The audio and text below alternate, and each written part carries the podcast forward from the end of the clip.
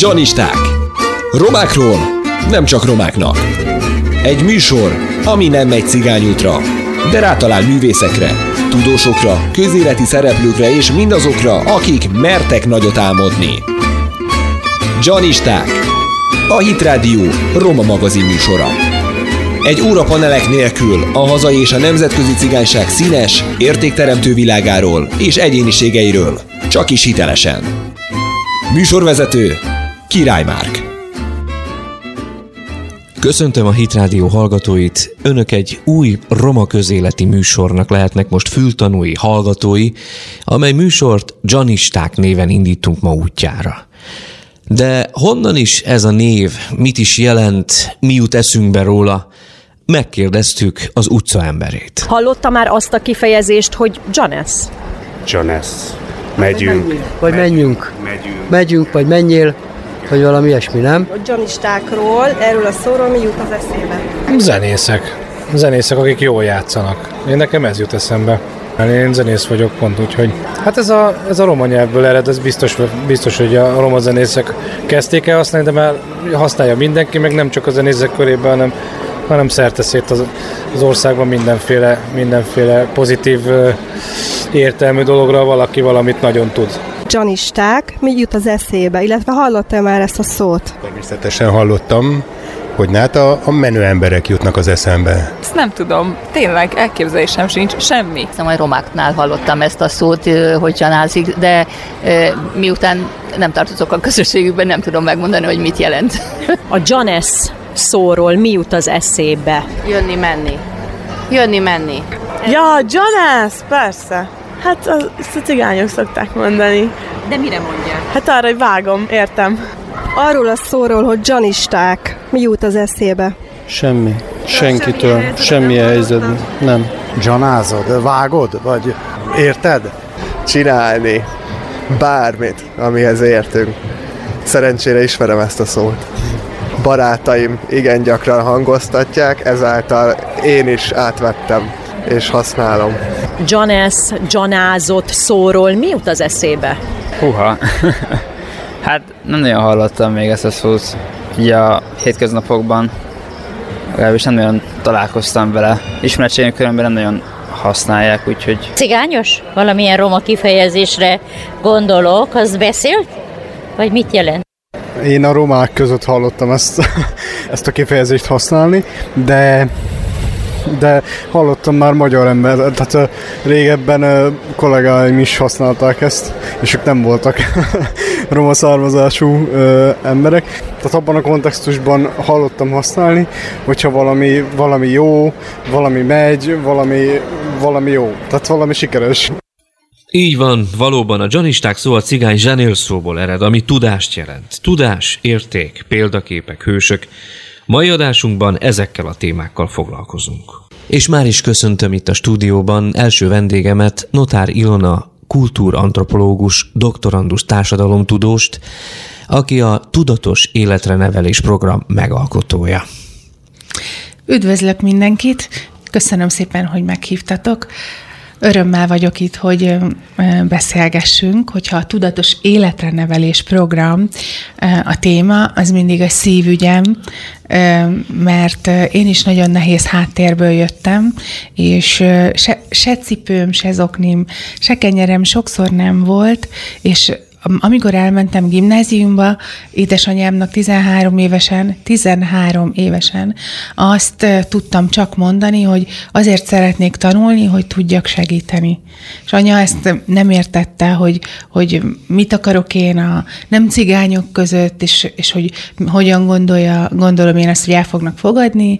És akkor így elindultam a pályámon, Végül aztán Isten kegyelmével kijutottam Stanfordba, uh-huh. ami a KIP módszer megalkotója a Stanfordi Egyetemen professzor, vele is találkozhattam, ille- illetve New Yorkba, Harlembe, ahol a Harlemi módszer tanulmányoztam, és ott már az én saját programom, a Tudatos Életre Nevelés programot be is mutathattam a, az amerikai gettó gettóban élő gyerekeknek. Nagyon izgalmas volt és csodás, és hazajöve arra tettem fel a, az, a szakmai tudásomat és az összes eddigi tapasztalatomat, hogy a kulturális különbözőségeket figyelembe véve a hátrányos helyzetű gyerekekkel beszélgessek arról, hogy mi a céljuk, mi a vágyuk, mi az álmok, mert ha nincsenek álmok, akkor nincsen jövő, akkor nincsen tervezés, akkor nincsen miért küzdeni, már pedig a gyermekeinké kell, hogy a jövő legyen. Milyen modulokból állítottad össze a programot? Nagyon fontos az önismeret és a saját identitásuknak a meghatározása, kialakítása. Nagyon fontos helyen van a prevenció, az egészségügyi felvilágosítás, a szerelem, a család, a házasság témaköre, és a jövőtervezés, a célok meghatározása, és az odáig vezető lépcsőfokok, és azoknak az elérése. Ez egy interaktív program, ami azt jelenti, hogy gyakorlatilag, amíg együtt vagyunk, játszunk, minden ér, amit kimondanak, mind értékes, csak kivonulni a játékból nem lehet. Gyakorlatilag azt szoktam mondani, hogy mintha egy mikrofon, mikrofon tartanék a kezembe, átnyújtom a gyerekeknek, és kihangosítom az ő gondolataikat, és akkor rájövök, és minden alkalommal így van, hogy zsenikkel vagyok körülvéve, pedig ők azok a hátrányos helyzetű gyerekek, akikről a rendszer lemond gyakorta, és közben kijön belőlük, hogy ők verset is tudnak írni, hogy tudnak énekelni, hogy gyönyörű, nagyszerű gondolataik vannak, és csírájában nyíladozó álmaik vannak, a, amik, amiket most ö, lehetőségük van elindítani, és persze vannak már visszajelzések is, hiszen ez a program már megy 15 éve, hmm. ö, és vannak már, akik egyetemen vannak, vannak, akik elvégezték a szakközépiskolát, vannak, akiknek már családjaik vannak, ö, családjaik vannak, és és ma is például olvastam egy olyan levelet, nagyon jól esett, hogy, hogy Ilona, éppen most hallgatok veled egy interjút, és nagyon nagy szükségem volt rá, és nagyon nagy áldás, hogy vagy, és köszönöm neked a munkádat. És ez az egyik tanítványom volt. Ah. És ez zseniális, csodálatos, nagyszerű, és mi, mi lehet nagyobb egy pedagógus életében, hanem az, hogy nyomot hagyja a gyerekeinek az életében, mert mindenki a gyerekem, akit tanítok végig tanultad az egész életedet, és mi inspirált? Mi volt a te forrásod? Igen, itt egy nagyon fontos dolgot szeretnék elmondani, hogy én 13 éves koromban azt mondtam anyának, hogy segíteni szeretnék.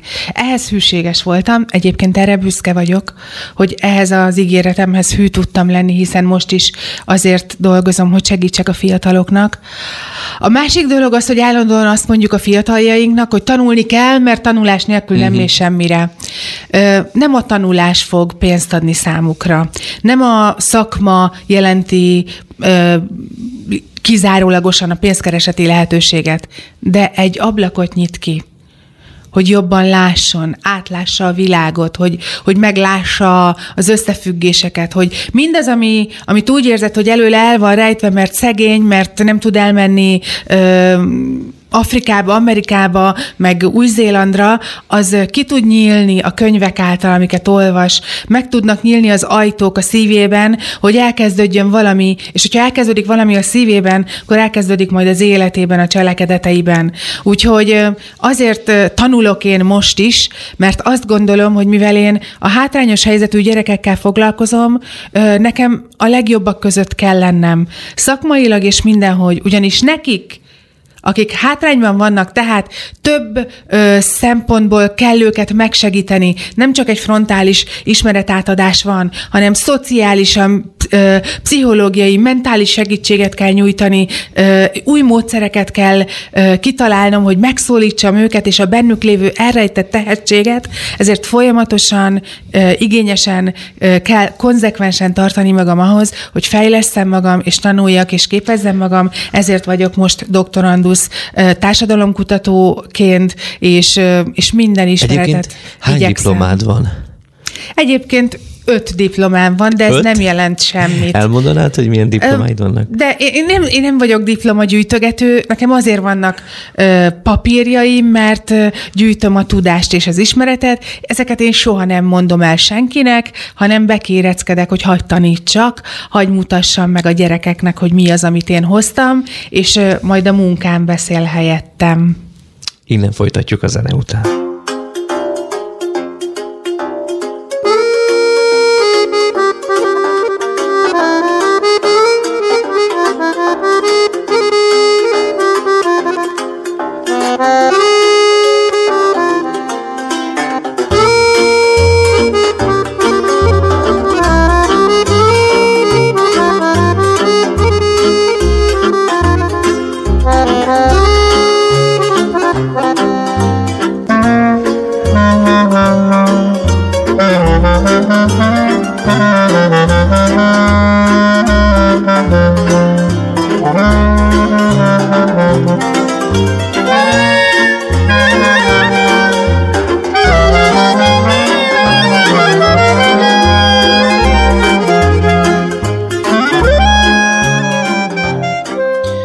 Kedves hallgatóink, folytatjuk a beszélgetést Nótár Ilona kultúrantropológus, doktorandus társadalomtudóssal, a Tudatos Életre Nevelés program megalkotójával.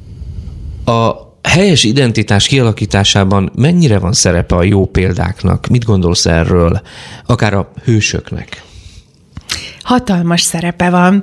Tegnap volt egy csoport, akit tanítottam vidéken, és akkor kitettem az asztalra egy csomó ö, képet, mégpedig híres embereknek a képeit, és kértem, hogy mindenki, akinek van valami kötődése hozzá, vegye el. És akkor leült az egész osztály, vagy 25-en, és akkor mondtam, hogy most mutassátok meg, hogy milyen ö, képeket választottatok, és ö, 25 ember 25 képet választott, és mondtam, hogy mi a közös bennük, és kiderült, hogy az a közös bennük, hogy mindegyik roma. Tehát mielőtt még előhoznánk a sztereotípiákat, azelőtt szerettem volna bennük megerősíteni két dolgot. Egy, hogy ne higgyenek azoknak, amit csak félfüllel hallanak, mert nem igaz. Kettő, hogy ezek a egyébként nagyon szegény sorsú, nagyon hányatott, és még diszkriminált is, és még lenézett nép, népcsoportból született emberek is, mint Charlie Chaplin, vagy Johnny Depp, vagy Elvis Presley, vagy... Vagy Cifra György. Vagy Cifra György, igen, vagy Lakatos Menyhért, vagy Bari Károly, vagy Daróci Ágnes, vagy Olá Gergő soroljam még. Uh-huh. Ők mind nagyon nehéz sorból jöttek. Mi az, ami kiemelte őket? Beszéltük meg a gyerekeinkkel. Mi az, ami miatt elérték mindazt, amit elérhettek? És előtte felolvastam nekik egy novellát, ami az én kezem nyomán készült, és abban pont arról írtam, hogy mennyire szégyeltem magam, hogy azt elmentünk a testvéreimmel fát szedni az erdőbe, és nagyon szégyeltem magam, hogy akkor én most tolvaj leszek, és azt mondtam, hogy és másnap felkeltem, és elindultam iskolába. És megjegyezték ezt a gyerekek, és azt mondták, hogy igen, ez, ez az, ami tovább visz, hogy képesek vagyunk-e felkelni, és tovább menni. És ebben szerintem hatalmas felelőssége van a pedagógusoknak. Mi a véleményed, hogy miért van az, hogy a társadalom, ha ha roma zsenikről hall, hősökről beszél, akkor szereti elhallgatni azt a tényt, hogy, hogy akár Cifra György roma volt. Miért van ez, hogy ezt szeretik elhallgatni? Szerintem nagyon-nagyon tévút és nagyon, ö, nagyon nagy ferdítés, ha elhallgatjuk ezt. Két dolog miatt alapvetően. Egy dolog miatt azért, mert én hiszek Istenben, és hiszem, hogy Isten senkit nem teremtett véletlenül. Tehát az, hogy cigányok lettünk, az az Isten tökéletes munkájának a gyönyörű ecsetvonása. Egy szín. Tehát, hogy csak akkor tudjuk igazán látni az ember gyönyörűségét, ha látjuk a színeit. Mhm. Már pedig neki van egy barna színe Isten kegyelméből, a másik dolog pedig az, hogy azért tudott az lenni és alkotni, ahogy, mert az, aki.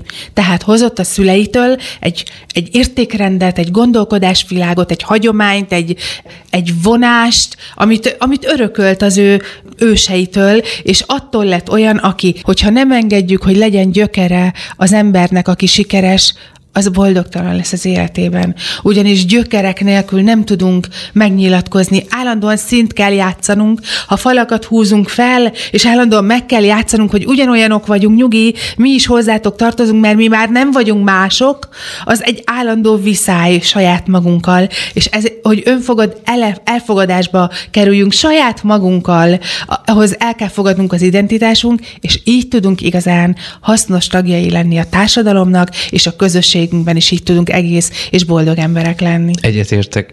Felelőssége van a, a roma értelmiségieknek abban, hogy utat mutassanak? Azt gondolom, hogy mi még abban a században vagyunk, és abban az időben, amikor igen. Amellett, hogy én igyekszem egy nagyon jó képességű szakember lenni, és helytállni a, az életem minden területen a munkában, amellett tudom, hogy fel kell vállalnom azt, hogy roma vagyok, és küzdenem kell civilként az esélyegyenlőségért, mert most még abban a fázisában vagyunk a az esélyegyelőségi harcnak, amikor még ezt ki kell ö, fejeznünk, és protestálnunk kell. Ez a roma értelmiségnek a egyik, ne, ha bár nehéz, de feladata. Nekünk is ö, tovább kell vinni a pálcát, és mutatni a hírünket, de mindig azt a példát szoktam erre mondani, hogy a drága édesanyám, aki egy zseniális és nagyszerű cigányasszony volt, ő hat osztályt végzett, mert ő el, el kellett menjen vályogot vetni. Ez a cigány tégla, alakatos menyhért füstös képeiből csodálatosan ö, olvashatjuk, hogy ez mit is jelent egy cigánytelep életében. Addig én nekem már van diplomám, és az én drága két lányom, aki most két tanítású gimnáziumba jár mind a kettő, és reálszakosak és közgazdaságszakosak, nekik tökre evidens, hogy ők tovább tanulnak. Nekik ez fel sem merül kérdésként, hogy talán nem. Tehát, hogy, hogy egy generáció alatt is hatalmas változást érhetünk el, és ebben nekünk értelmiségi romáknak igen, van felelősségünk. A nem romák hogyan fogadnak egy öt diplomás hölgyet? Hát azt nem tudom, mert én nem mondom senkinek. Vannak vonásaim, és ezt nem a külsőmre mondom, hanem a személyiségemre. És akkor hamar arra kerül a szó, hogy én ki vagyok. És mivel az identitásom szerves része az, hogy roma vagyok, ez ki fog derülni. És ezt tanítom az interkulturális kommunikáció tantárgyban is, és az egészségügyi kommunikáció tantárgyban is orvosoknak és doktoroknak, hogy hogyan tudunk win-win kapcsolatot létrehozni, amiben mind a paciens, mind pedig a doktor tud győztes lenni. És azt kell mondanom, hogy hogyan fogadnak, hogyha nyitnak felém, és elkezdünk beszélgetni, mint ember az emberrel, akkor végre azt fogják tapasztalni, hogy ők ebből nyernek, hiszen többet tudnak meg egy nagyon értékes és sokszínű csoporttól, én pedig mindig nyitott vagyok arra, hogy az ő életüket láthassam, belenézhessek, és nekem is nagyon nagy megtiszteltetés. Nagyon köszönöm, hogy elfogadtad a meghívásunkat. Őszintén mondom, hogy megtisztelő volt veled beszélgetni. Munkádra, családodra Isten áldását kívánjuk. Nagyon hálásan köszönöm, nektek is a legjobbat kívánom. Köszönöm szépen. Kedves hallgatók, hallgassunk egy kis zenét.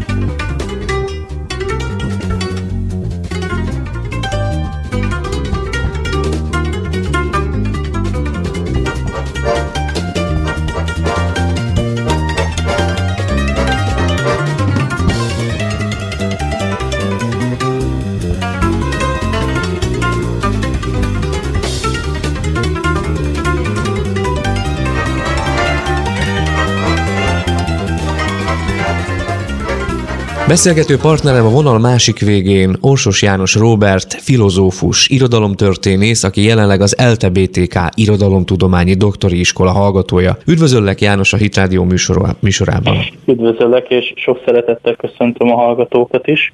János, te kutattad az első cigány irodalmát, ő volt az Uszódról származó nagyidai Sztojka Ferenc, cigány nevén csak Fardi. Miről lett Igen. ő híres? Kérlek, mesélj nekünk erről. Ő tulajdonképpen, amiért érdemes vele kutatni, és amiért igazán jelentős az az, hogy, hogy tulajdonképpen nagy idei Sztonyka Ferenc volt az egyik, illetve hát az első olyan cigány származású irodalmi tevékenységet folytató értelmiségi személy, akihez a, az első önálló irodalmi alkotásokat fűzhetjük. Mondanál pár példát? Például mit fűzhetünk hozzá? Tulajdonképpen egy, egy, egy két kiadásban megjelent gyökszótáráról van szó, és ez az 1886-ban és 1890-ben kiadott gyökszótárának a második kiadásában van egy jelentős irodalmi melléklet, és ebben a mellékletben szerepelnek igazából az ő önálló irodalmi alkotásai, mint például a Cigányok vándorlása című elbeszélő költemény. Vannak kisebb versei is, alkalmi versei is, köszöntői, de ezen kívül még van neki két történelmi színdarabja, az egyik a cigány lakodalom, a másik pedig a Cigányvár címet viseli. Ugye az 1800-as évekről beszélgetünk, az akkori történelmi korban mit jelentett az, hogy egy roma ember elkészíti a cigány szótárt? Egyáltalán hogy álltak akkor a cigány emberek és a nem cigányok a, a cigány nyelvhez és annak használatához? Ugye a 19. századbeli társadalmi hierarchiában a, a cigányság az egy eléggé kirekesztett, marginális és a társadalom perifériáján élő népcsoport volt az, és elég sokáig ugye nagyon nagy volt az analfabetizmusnak a, a jelenléte a, a, a cigányok körében, tehát így nagyon kevesen voltak, akik írni, olvasni tudtak volna. Nagy idei kapcsán meg kell említenünk a Habsburg uralkodott József főherceget, akinek tulajdonképpen jelentős szerepe volt abban, hogy Nagy Idész Folykának létrejöhetett ez a gyökszótára, mert hogy ezt mind szakmailag, mind anyagilag is az ő támogatásával jelenhetett meg, és ebben az esetben azt láthatjuk, hogy tulajdonképpen a társadalmi hierarchiának a két végletének a találkozásából jött létre ez, a, ez az egész gyökszótár. Tehát ez egy, ez, egy, ez egy nagyon szerencsés találkozás, és egy, és egy meglehetősen ritka dolog az, amikor egy ilyen kooperáció, főleg abban a korabeli társadalmi közegben megvalósulhatott. Nagy idei Sztojko Ferencen kívül még legalább két személy, akik a 19. században irodalmi tevékenységet folytattak, és akkor ez, ez, ez tulajdonképpen erre már mutatjuk azt, hogy, hogy volt már a 19. század második felében is irodalmi roma reprezentáció. A kutatásod során tehát akkor ráakadtál még roma híres ö, emberekre? Igen. Kik voltak ők? Két szeméről van szó, mind a kettő eredetileg zenész. Az egyik az Tikolsági Balog János, aki egy iskolázott muzsikus cigány volt. Ő egyébként részt vett az 1848 és 49-es szabadságharcban is, honvéd karmesteri feladatot töltött be. Tehát bocsáss meg, azt, azt mondod, hogy romák zenéltek a, a hadseregben, a forradalomban? Igen, tehát ez, ez is valamelyes része volt, de hát ha nem is épp zenében, tehát a, a fegyverkészítésben mindenképpen, tehát valószínűsíthető, hogy részt vettek a cigányok is. De hogy például Ipolysági Balog János, ő, ő honvéd karmester volt. És ő azért igazán érdekes, mert hogy az ő nevéhez köthető a legelső cigányimádságos, ami, ami igazából nem egy nagy terjedelmű dolog, tehát egy, egy, egy kis füzetről van szó, amiben cigány nyelvben megtalálhatóak a katolikus liturgikus szövegek cigány nyelvű változatai is. A másik személy pedig Boldizsár József, ő egy kolozsvári cigányzenész volt, és neki pedig Petőfi Sándor versfordításai jelentek meg egy kolozsvári irodalmi lapban, ez az összehasonlító irodalom történeti lapok. Azt gondolom a társadalom nagyon keveset tud a roma hősökről, illetve az irodalmi munkásságokról. Te is ezt gondolod egyébként? Te is ezt tapasztalod? Igen, tehát hogy is mondjam, nekem ez egy külön feladat, egy külön misszió, és igazából egy hivatásnak is tekintem, mint cigány származású kutató, hogy én ezzel a témával foglalkozzak. Már csak azért is, mert itt most a, a magyar irodalom történet egy nagyon, hogy is mondjam, tehát egy, egy nagyon nem kutatott területéről van szó, és fontosnak tartom igazából azt, hogy ez is be, részét képezze tulajdonképpen a cigányokról szóló diskurzusnak, és ezt, ezt meg külön öröm számomra, hogy, hogy mindezt cigány, cigányként tehetem, hogy, hogy ennek a diskurzusnak a részese lehessek, hogy hiteles lehessek, tehát hogy mindenképpen van ennek relevanciája, és, és, és fontos is, hogy ezt szélesebb közegben is, szélesebb szakmai és, és társadalmi közegben is ismerté válhassanak. Abszolút egyetértek. János, sok sikert kívánunk a munkádhoz, és nagyon köszönjük, hogy a rendelkezésünkre álltál. További szép napot kívánok. Köszönöm önöknek is viszont. Kedves hallgatóink, maradjanak velünk, a zene után folytatjuk a jó példákról, hősökről szóló témánkat. Itt lesz velünk Várnai Anna, a Színes Gyöngyök Egyesületének elnöke, aki nemrégiben hétköznapi hősök kategóriában Made in Page díjat vehetett át, és beszélgető partnerem lesz még Kis István lelkész.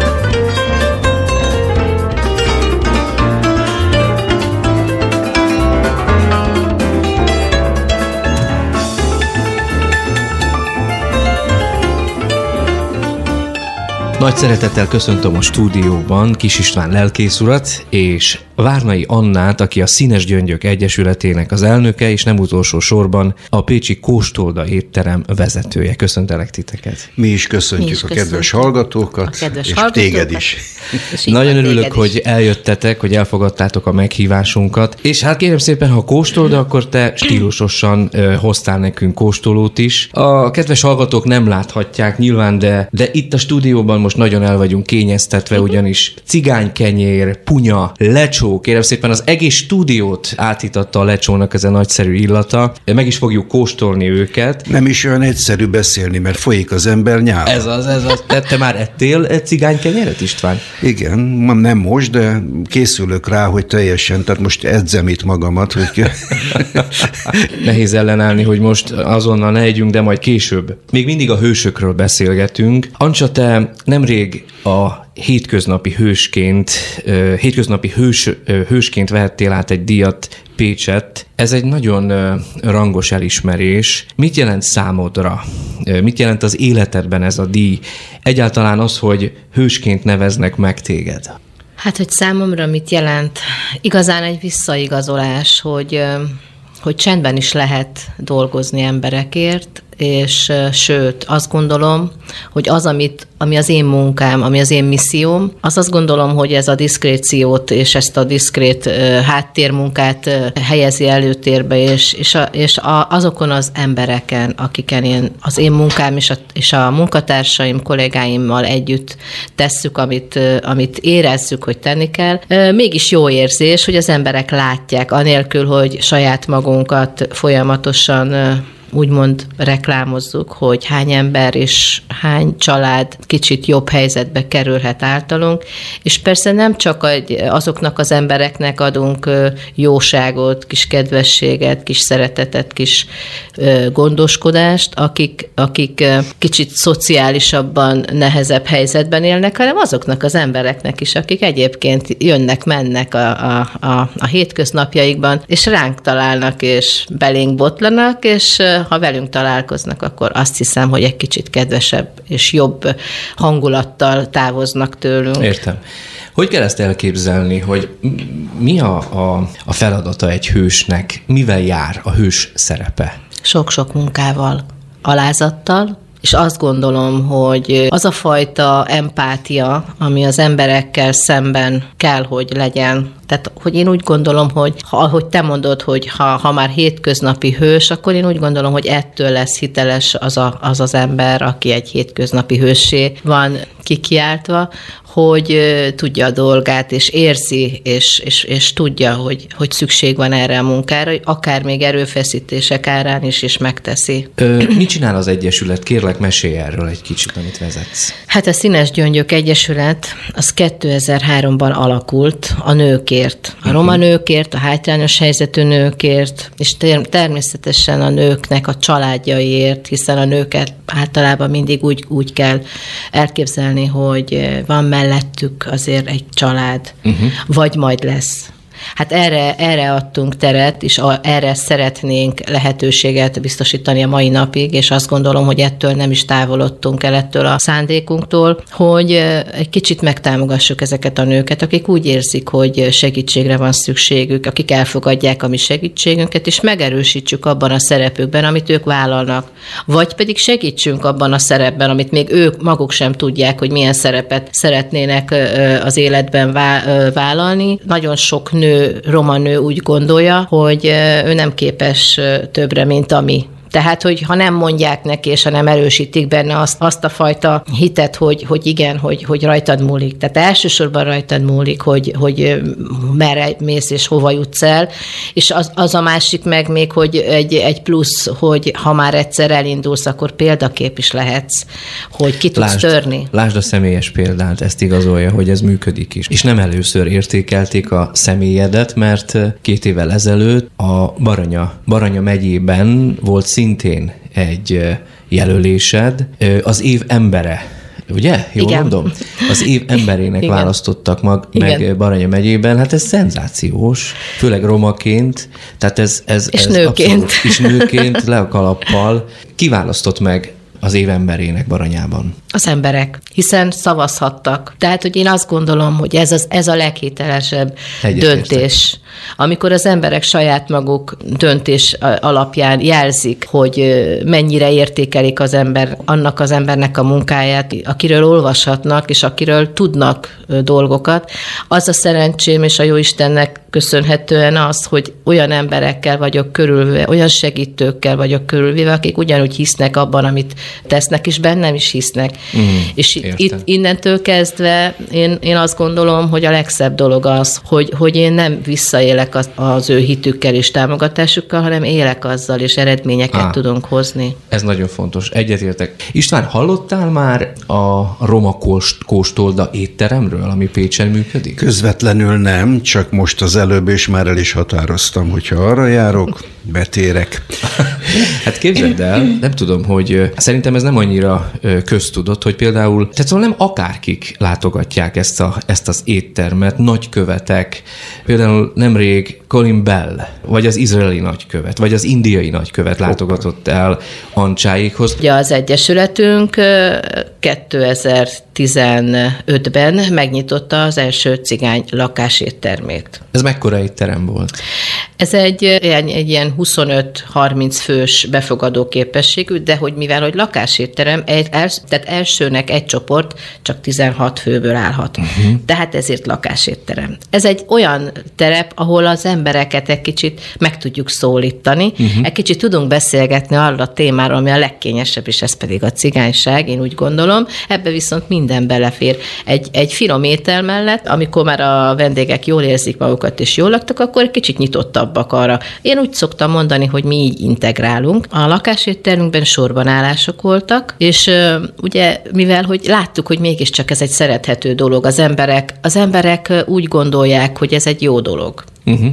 És én úgy gondolom, hogy tényleg nekünk is észre kell venni, hogy a jóra mindenki fogékony. És hogy a gasztronómiában, ez az én veszőparipám, nincsenek előítéletek. Tehát, hogy itt a, itt a cigányételeket, ha lehet ilyet mondani, mert hogy tudjuk, hogy a cigány gasztronómia nincs, de hát mi majd azzá tesszük, hiszen cigány van. asszonyok készítik, így van. Mert finom.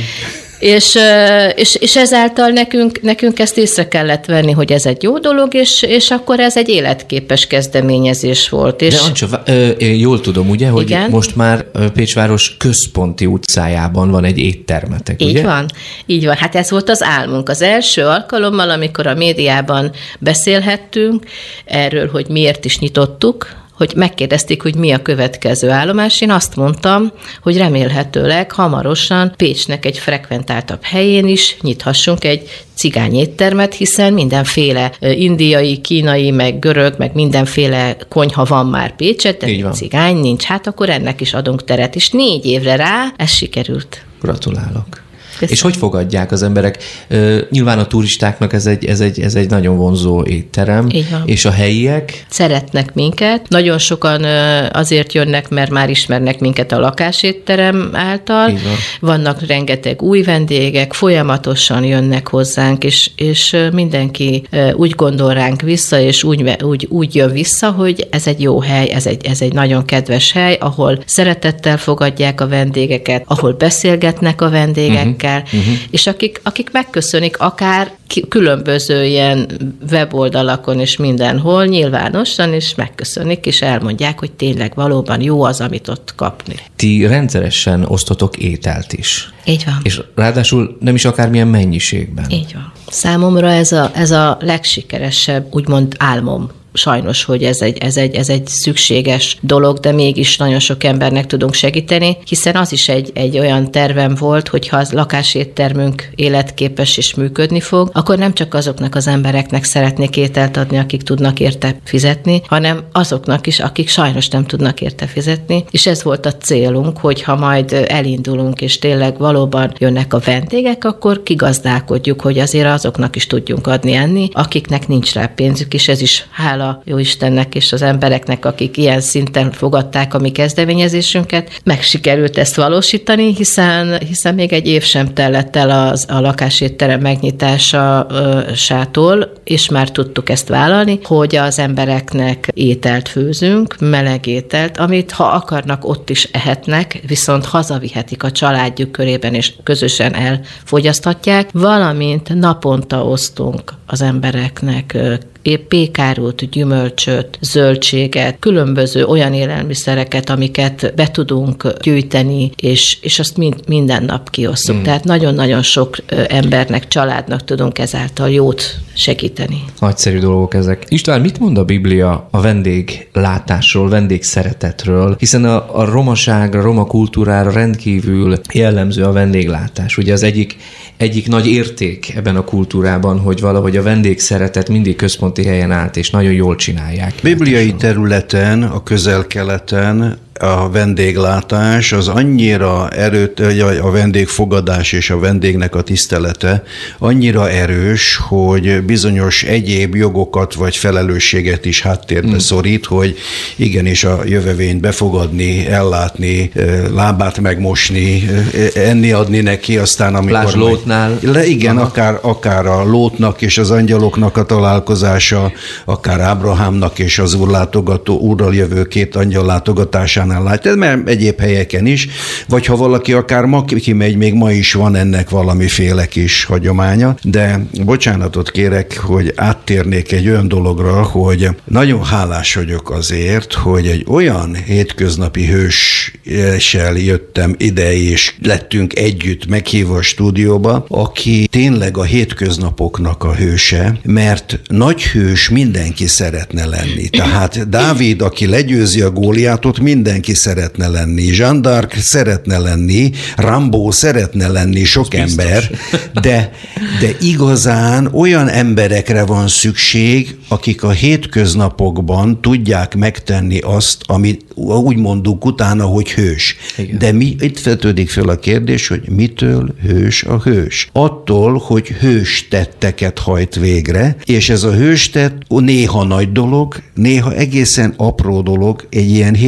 hétköznapi, hogy vendégül látom, kedvesen elbeszélgetek vele, ezt kitartóan csinálom. Mi kell ehhez, hogy ezt valaki meg tudja tenni? Akkor jön a kérdés. Ugye a Biblia 112. Zsoltárban az Istenfélő embernek mondja, hogy hős, hős lesz, lesz a magva. magva. A magva. Tehát valahol itt a beszédben is elhangzott, hogy hála Istennek, nem is egyszer. Tehát úgy tűnik, hogy valami köze van a mindenhatónak ehhez a dologhoz, és én azt, arra szeretném ráirányítani a figyelmet, már mikor mondtam a feleségemnek, hogy ide jövök, mi lesz a téma, ki a hős, azt mondja, hát az, aki saj, először saját magát le tudja győzni, az a hős. Hoppá. Így kezdődik. Ez egy nagyon, nagyon jó megközelítés. És, és óriási dolog, mert nézd, olyan ember, aki a saját érdekeit érvényesíti, aki saját magának begyűjt, és nem másnak akar adni, olyan mindenütt van. Uh-huh. Abban ahhoz nem kell hősnek lenni, nem kell, de aki túl tud lépni saját magán, vagy mondjuk úgy az árnyékán, ilyen ideológiai hasonlattal, az már hőssé tud válni. Vannak olyanok, akik folyamatosan tudják ezt tenni. Lásd, az Ancsa, étterem, az Ancsa és az ő szolgálatuk. Ő nem győzte le a góliátot még, lehet, hogy lesz egy olyan góliát, akit majd le fog győzni, ezt nem tudjuk. Így az ő góliátját győzze le, de, de, de a mindennapi tevékenységével egy hősies életvitelt produkál. Abszolút. Szerintem most zenéljünk egyet.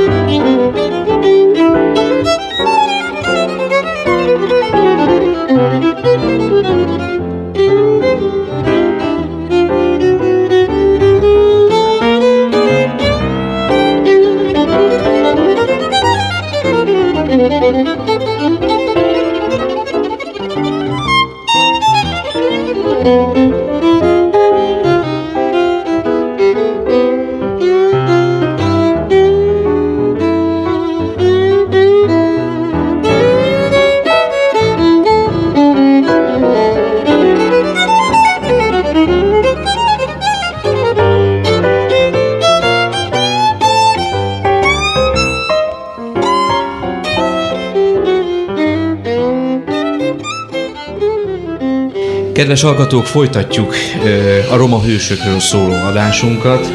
És még mindig itt van ez a finom illat, a lecsónak, a punyának a finom illata. Most már mindjárt veszem a kanalat.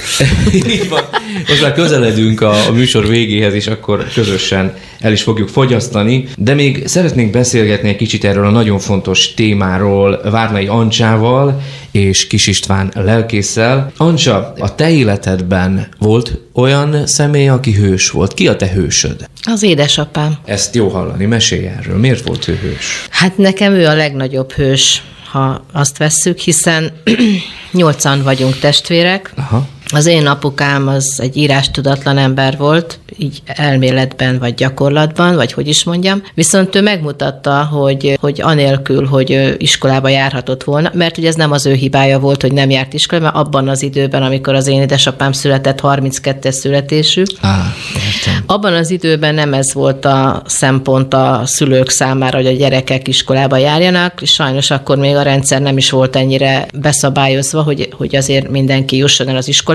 Az ő szemlélete, azt hiszem, hogy akkor már egy teljesen más szemlélet volt, mint az abban az időben mm, élt embereknek, mert hogy ő 18 évesen találta meg az édesanyámat, aki ugyanabban az évben, ugyanabban a hónapban született, és 20 évesen vállaltak először gyereket. Abban az időben ez eléggé fura volt a, a, a cigány közösségben, mert hogy tudatosságot egyébként, építettek. Egyébként te, a, a, te beárs cigány vagy? Igen, és hogy, és hogy ugye az apukám az, az, az úgy, úgy döntött, hogy ő, ő nem egy ilyen életet akar a gyerekeinek mint amilyen neki volt.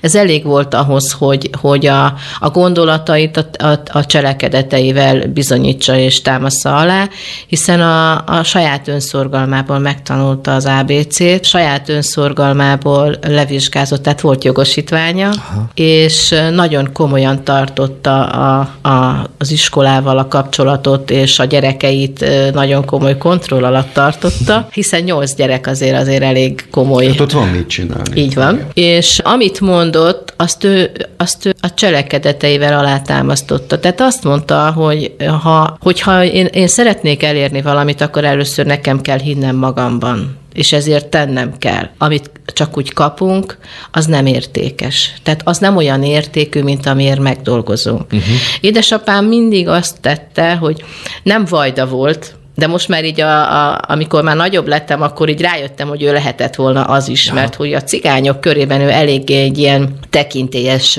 cigányembernek gondolták. Egyébként maga a, a, az alkata is azért egy ilyen 180 centi magas, tényleg egy nagyon jóképű fiatalember Aha. volt, öltönyös, kalapos, nyakkendős cigányemberről beszélünk, Aha. és pedig szénbányászként dolgozott, de persze hegedült is, és nagyon szépen énekelt is, és hogy hát a munkája, a cselekedetei, az életformája, az mind azt támasztotta alá, hogy, hogy, hogy tényleg ő, ő teszi a dolgát, és eredmények vannak. A jövőben mit szeretnél még elérni? Mik az álmaid? Hát az igazi álmom az, hogy az, hogy egy Hát ez, ez sajnos úgy érzem, hogy ez lehetetlen, hogy a mi munkánkra ne legyen szükség. Arra, ah. hogy a szegény embereknek sorba kelljen állni, uh-huh. hogy kenyérért és ételért álljanak sorba. Az álmom az, hogy a gyerekek ne sírjanak azért, mert éhesek, és ne lássam őket nélkülözni. Azt gondolom, hogy nagy álmaim nincsenek, csak olyanok, amik, amik érzelmileg egy kicsit most így mindig itt vannak, hogy a, a szomorúságot, a, a, a szükséget, a, a, a, a nélkülözést azt nagyon-nagyon nem tudom megérteni, hogy a világban ez hogy történhet, hogy, hogy még mindig ekkora és és nem vesszük észre, ami körülöttünk zajlik. Én úgy gondolom, hogy nagyon sokszor összefogunk különböző jó dolgokért.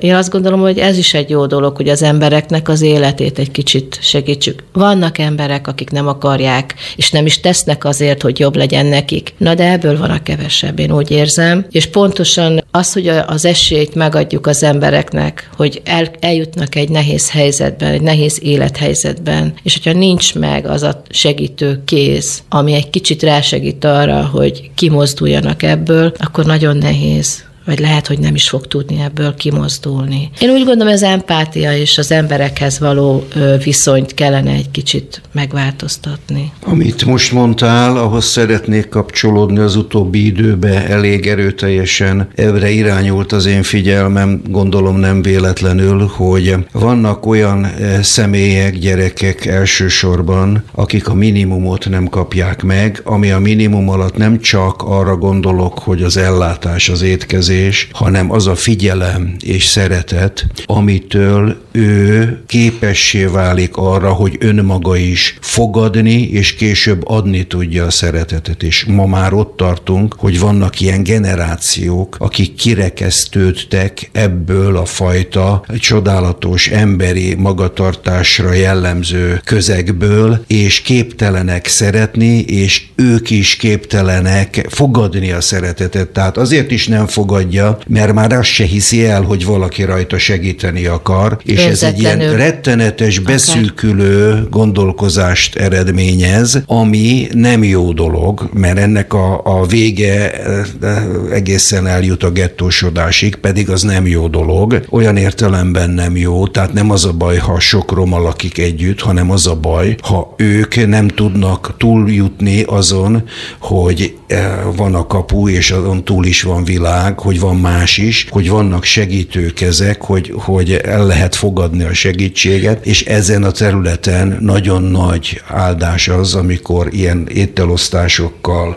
és egyebekkel tudjuk megnyitni az ajtót. Csak úgy érdekességképpen mondom el, hogy a Mélye Dunakeszi gyülekezetnek van egy ételosztó csapata. Aha. Mi nem minden nap, hanem két hetente, de mintegy 200 adagot osztunk ki Budapesten hajléktalanoknak. Ez nagyszerű. És nincs hozzá vállalkozásunk, amelyikből ezt kivesszük, hanem a testvérek egyénileg megfőzik és odaadják.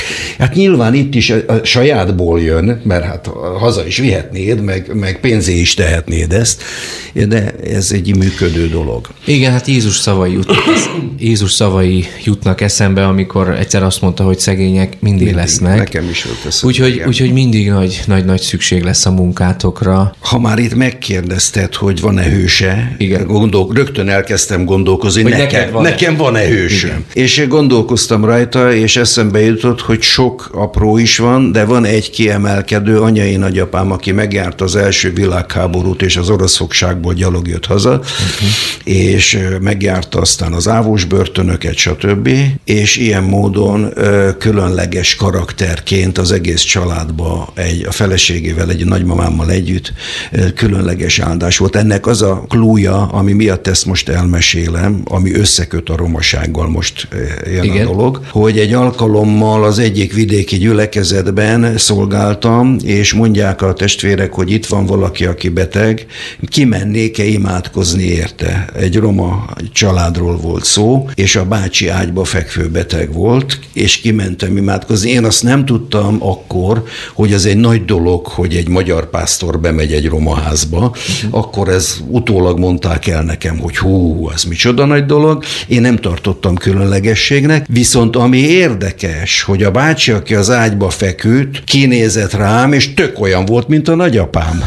A Roma bácsi. Na mondom, Istenem, akkor nekem itt dolgom van. És imádkoztunk érte, jobban is lett, hála Istennek. Egyébként a mai ember mit gondolsz, honnan veszi a hős mintáit? Hát saj, sajnos azt mondhatom, hogy a mai fiatalok többnyire a filmekből és ezekből a, már azt sem mondanám, hogy az irodalomból, mert már nem divat olvasni, vagy nagyon kevesen olvasnak, hanem internet és filmek azok, amik adják a hősöket.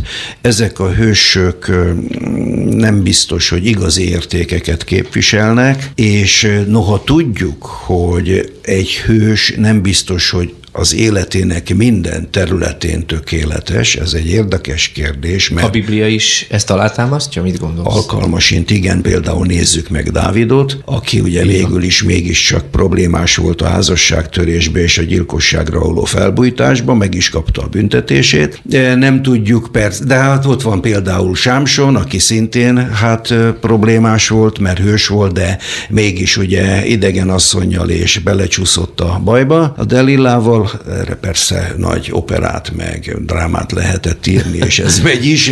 A mai napig műsorom van. Igen, ez működik. Csak azt akarom mondani, hogy a hőstett megérdemli az elismerést, de nem biztos, hogy a hős mindenben szent. Ez egy ilyen dolog.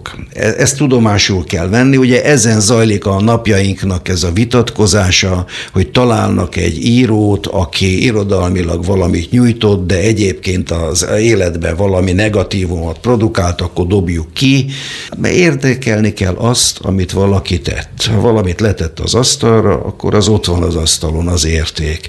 Nem kell, hiába keresünk, emberek vagyunk, senki nem tökéletes. Tehát a hétköznapi hősöknek van egy ilyen oldala is a, a megnevezésnek, hogy megteszi a maga dolgát, és egyébként hétköznapi ember, esendő, és előfordulhat, hogy nem mindenben tökéletes. Ez nem azt jelenti, hogy akkor gyűjtjük a bűnöket vagy a rossz dolgokat, igyekszünk nem rosszat csinálni, és egyre jobban csinálni, de végül is ez egy tanuló pálya. Kedves Ancsa, kedves István, köszönöm, hogy eljöttetek hozzánk, köszönjük a kóstolót, és Ancsa, Köszönjük engedd a meg- lehetőséget. Igen. Igen, engedd meg, hogy csak annyit eh, hozzátűzek, hogy szerintem te egy igazi dzsanista vagy.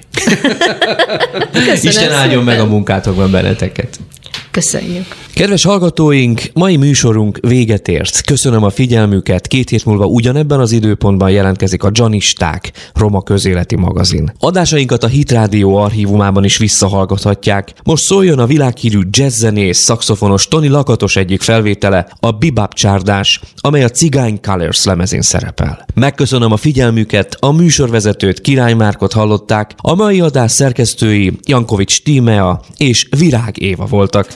Technikusként közreműködtek Jámbor László, Ruzsinski Dávid és Kammer Jonatán. Viszont hallásra két hét múlva újra jelentkezünk.